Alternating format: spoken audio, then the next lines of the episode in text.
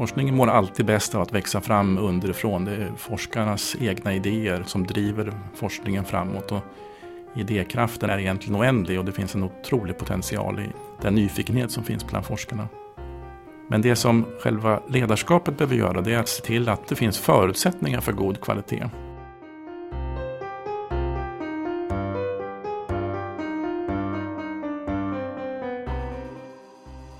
Du lyssnar på Curie-podden, en podd om forskningens villkor. Jag heter Nathalie von der och i det här avsnittet har jag pratat med Hans Ellegren, professor vid Uppsala universitet. Han leder en stor grupp, har varit forskningsdekan vid den tekniskt-naturvetenskapliga fakulteten och är numera vicepreses vid Kungliga Vetenskapsakademin. Han har också skrivit en bok som heter Det svenska forskningslandskapet som handlar om kvalitetsarbete inom akademin. I det här avsnittet ska vi prata om det akademiska ledarskapet och hur bland annat kvalitetsarbete kan bidra till att skapa bra förutsättningar och villkor för forskning. Välkommen Hans! Har du lust att introducera dig själv? Ja, jag heter Hans Ellegren, professor i evolutionsbiologi på Uppsala universitet. Och jag jobbar på Evolutionsbiologiskt centrum vi försöker dels förstå väldigt grundläggande processer om hur evolutionen fortskrider på molekylär nivå. Hur DNA-molekylen förändras och, vilka krafter som påverkar molekylen och att den förändras. Det kan handla om naturligt urval eller mutationer men också andra processer. Men vi försöker också tillämpa våra kunskaper om genetik och evolution, kanske en del mer praktiska frågor. Och ett sådant exempel är att vi jobbar med rovdjur och rovdjurens genetik och betydelsen av genetisk variation. Du har ju mycket tankar kring ledarskapet på ett universitet och inom akademin. Hur blev du intresserad av det för att börja med? Egentligen kanske man kan säga att, att det bottnar i att jag är själv väldigt glad och, och, stolt över att jag får arbeta på ett universitet. Jag tycker en, en, en fantastiskt samhälle vi lever i som trots allt har råd att lägga så mycket skattepengar på forskning och, och utbildning. Att då själv då få förmånen som det innebär att vara forskare på ett universitet. Det tycker jag också gör att man känner ett väldigt stort ansvar för att betala tillbaka på något sätt. Och där kanske det bottnar ett intresse då för att se till att universiteten och högskolorna fungerar så bra det bara går. Och lite grann kanske det var det som fick mig från början då att bli intresserad av hur ska ett universitet organiseras eller, eller ledas. Man har en sorts skyldighet, om man nu har det intresset, ledarskap och utvecklingsarbete, att ställa upp om man nu får förmånen att få jobba på ett universitet. Och jag tänker också då att det finns så oerhört mycket klokskap samlad inom forskarkåren. Det finns otroligt många duktiga människor inom universiteten. Kan man på något sätt göra det ännu lite lättare eller enklare för dem då att få uttryck för sin kreativitet och sin klokskap. Ibland kan man kanske känna att det finns nästan lite outnyttjad potential inom universitet. Det finns begränsningar eh, som inte är önskvärda. Administrationen tynger forskarna. Det finns begränsningar i att man har inte förutsättningar eller strukturer som är optimala. Och det här är väl någonting som, som i alla fall för mig då blir ytterligare en drivkraft att man vill försöka förändra för att förbättra. Den här outnyttjade potentialen, hur ska man komma åt den tycker du? Ja, det är jättesvårt alltså. Och det kanske är allra svårast på de riktigt stora universiteten där det finns stora och gamla strukturer. Och just strukturer är både bra och ibland mindre bra. Strukturer kan göra ibland svårt för forskare att interagera med varandra. Och forskarna är så pass beroende av finansiering, både extern och intern. Och den interna finansieringen, den, den eh, på något sätt konkurrerar man om då inom ett universitet. Och det gäller väl lite grann att komma ifrån det där att man är lite, lite konkurrenter utan snarare se sig själva som en del av någonting gemensamt. Att man har ett intresse av att det går bra för mitt universitet eller min institution oberoende om det, om det är min egen forskning eller någon annans forskning som, som för stunden då ger resultat. Och där kanske jag kan känna då att man kanske kan skapa mötesplatser eller man kan skapa former som gör att vi utnyttjar lite grann den potential som finns i tankeutbytet mellan forskarna. Att bara att prata med varandra. Och det kan vara att prata forskning väldigt konkret, men det kan också vara att prata om de akademiska frågorna om kollegialiteten eller ledarskap eller kvalitetsarbete. Du är ju själv gruppledare, har en stor grupp. Vad gör du själv för att skapa bra förutsättningar? Vi har nämnt det här med mötesplatser och det försöker vi även ha då i, i, inom vår gruppering. Vi, I vårt fall så träffas vi två gånger per vecka. Vid ena tillfället så pratar vi om en artikel som nyligen har kommit ut och vi, vi diskuterar fram och tillbaka kring den. Vid det andra tillfället så presenterar en av oss sin forskning och vi så att säga kritiserar och berömmer och har en väldigt öppen dialog om, om verksamheten. Och det där har vår grupp nu gjort i 20 år, två gånger i veckan. Och, eh, det är väl en form av så att säga, skapa en förutsättning för att på något sätt också få en utbildningsmiljö. För det här är ju oftast unga människor som är doktorander eller som säger postdocs att de utvecklas under den tid de är här. Att man, man pratar och lär sig. Och det gäller ju att skapa ett sorts engagemang. Och oberoende om man är gruppledare eller, eller eh, prefekt eller dekan eller någonting så människor runt omkring den funktionen tittar ju på vad de personerna gör. Om man själv då kan utstråla någon form av entusiasm till exempel så, så tänker jag mig att det kan smitta av sig på något sätt. Då. Och nu, nu pratar vi ju just om, om forskningen här, men eh, återigen inom ledarskapet. En, en ledare, bara genom sitt agerande och, och genom att välja vilka frågor man lyfter och pratar om så blir det ett tecken på vad som kan vara prioriterat. Och om en dekan eller prefekt så säga, tar upp till allmän diskussion ja, vad ska vi ta, jämställdhetsfrågor eller någon annan central punkt så sätter det lite grann agendan. Man har förmånen som ledare att få definiera agendan. Och det är ett sätt där man indirekt kan så att säga, visa vad som bör vara prioriterat. Då. Eh, ditt eget ledarskap, du har varit med ett antal år nu inom akademin. Hur tycker du att det har utvecklats?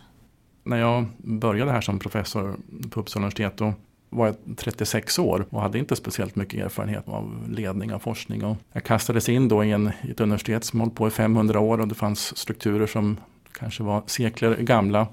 Och det var ju förstås inte lätt. Och, och det, dit jag vill komma det är att jag fick väl just ingen introduktion eh, till det hela. Och det är ett exempel på hur vi idag kan jobba med kvalitetsarbeten. När vi rekryterar så måste vi se till att de som kommer hit får de bästa av förutsättningar i termer att de förstår hur det fungerar och hur man ska agera. Speciellt om vi skulle rekrytera personer från andra länder. Bara för dem att förstå hur det svenska systemet med ansökningar eller ja, hur man bemöter människor eller hur man agerar på en arbetsplats. Det är inte så lätt om man inte har varit där tidigare.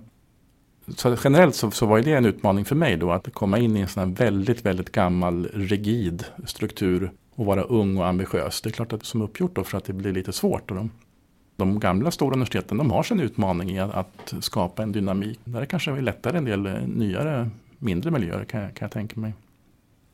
Men det är väl viktigt ändå att ha utgångspunkten att man lär sig ständigt. Man kan alltid utveckla sitt ledarskap. Och jag vill ju tro det här att bara det att få höra hur andra arbetar och inte minst att ha förebilder. Genom åren har man ju mött ett antal personer som man tyckte att ja, hon eller han, eller, där gjorde de bra, eller det där är ett gott ledarskap, så där skulle jag vilja göra. Sen om man lyckas eller inte är en annan sak, men åtminstone att man kan se en sorts modell för hur någonting man upplever fungerar bra, det tror jag är, är viktigt. Men det viktigaste då, för ett akademiskt ledarskap på ett svenskt lärosäte, vad tycker du behövs? Ja, man kanske kan börja säga att jag tycker det fungerar väldigt bra på många håll. Jag, jag ser många goda exempel jag tycker naturvetenskapliga fakulteten på Stockholms universitet har ett väldigt gott ledarskap och har fungerat bra en längre tid. De har stort kollegialt inflytande till exempel på rekryteringsprocessen. Jag är biolog och jag har sett att eh, biologiska institutionen i Lund, på Lunds universitet, har fungerat bra med ett gott prefektledarskap där. Så det finns ju många goda exempel att lyfta fram och det är också ett sätt att, säga, att utveckla verksamheten. Att bara titta på hur andra gör och kanske försöka följa efter de som har kommit på eh, knep. Då, då. Men eh, rent generellt så, så, är det väl en fråga om att också driva frågor kring forskningens villkor. Vi brottas ju trots allt med att det finns inte sällan en diskrepans mellan vad forskarna tycker och vad politikerna tycker. I den debatten så behöver forskarna höras mera och vara väldigt tydliga och kanske ställa krav på sina politiker när det gäller forskningspolitik. Och finns ju en ganska utbredd uppfattning trots allt att politikerna har en övertro på att det går att beställa fram kunskap, att det går att beställa fram innovationer genom politiska initiativ. Och medan många av oss på något sätt upplever att det går inte att tala om för folk vad de ska vara nyfikna på. Det kommer ändå. Historien visar oss med alla tydliga fakta att vi löser stora mänskliga och stora samhällsproblem genom den förutsättningslösa forskningen.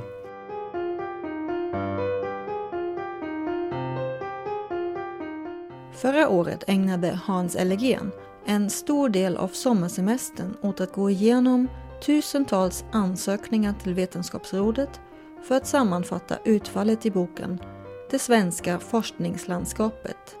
Resultatet visar vilka lärosäten får finansiering för vilka ämnen och kan vara ett verktyg för kvalitetsarbete.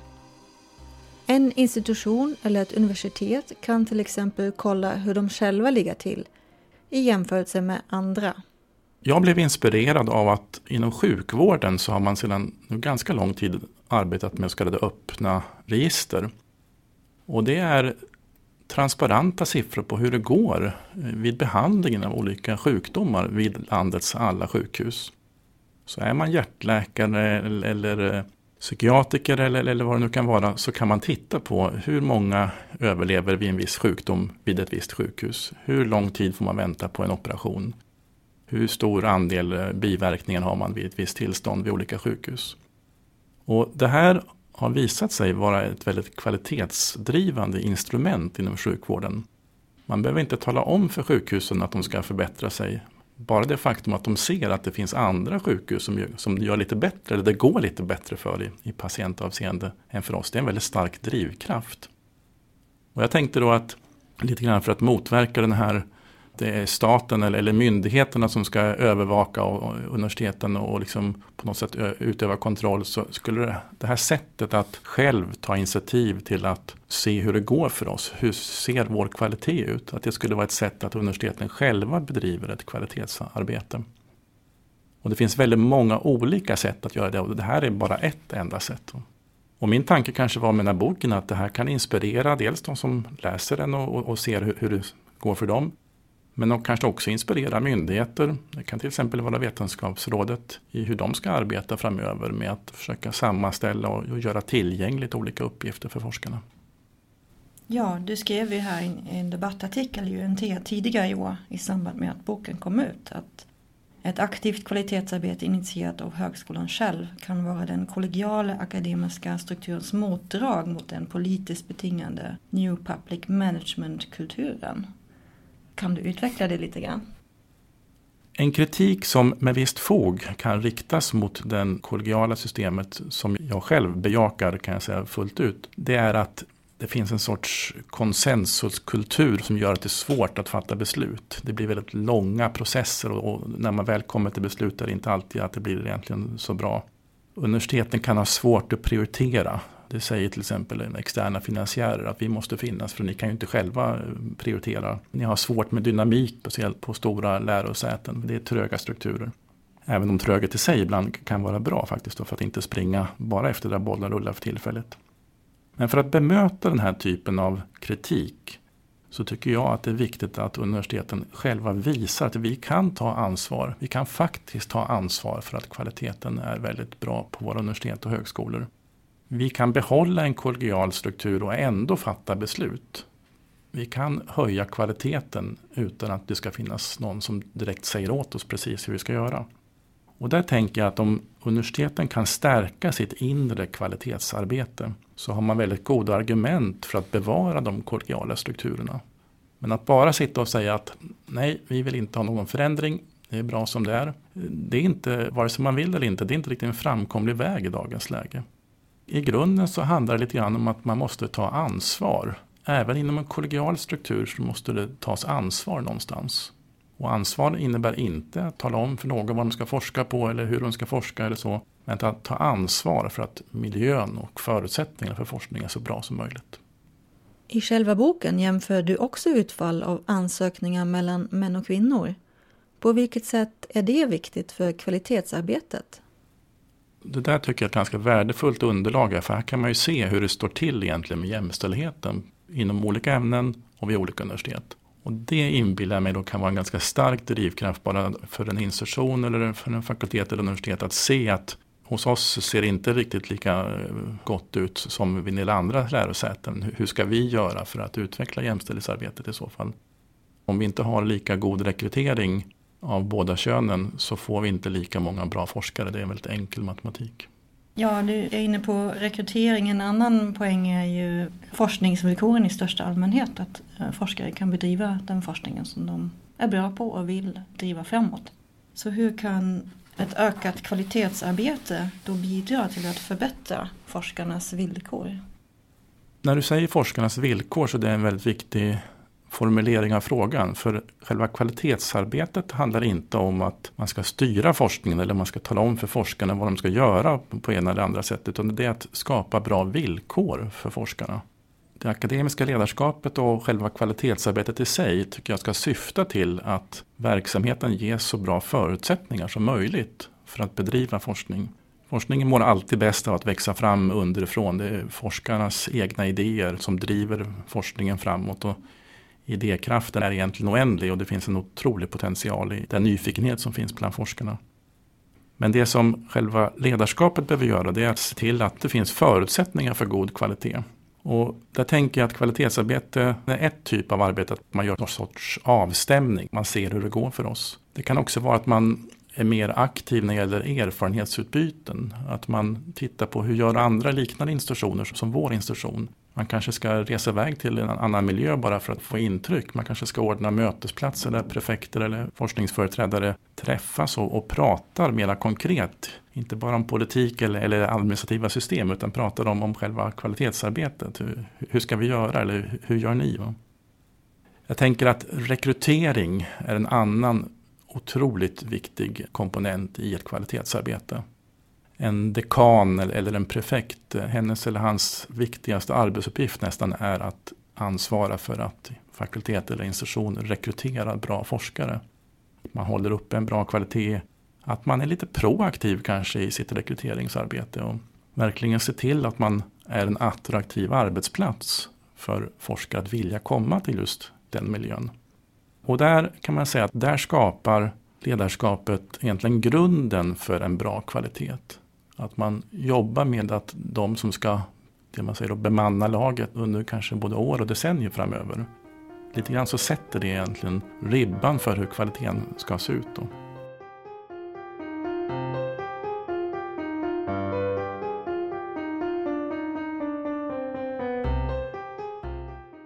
Du har lyssnat på Curie-podden en podd om forskningens villkor. Jag som har intervjuat och gjort det här programmet heter Nathalie von Delia. Vi tackar Hans Ellegren för hans medverkan i det här poddavsnittet. I tidningen Curie på nätet kan du läsa mer om forskningens villkor. Där finns också en länk till boken Det svenska forskningslandskapet. Titta gärna in på tidningencurie.se. Tack för att du har lyssnat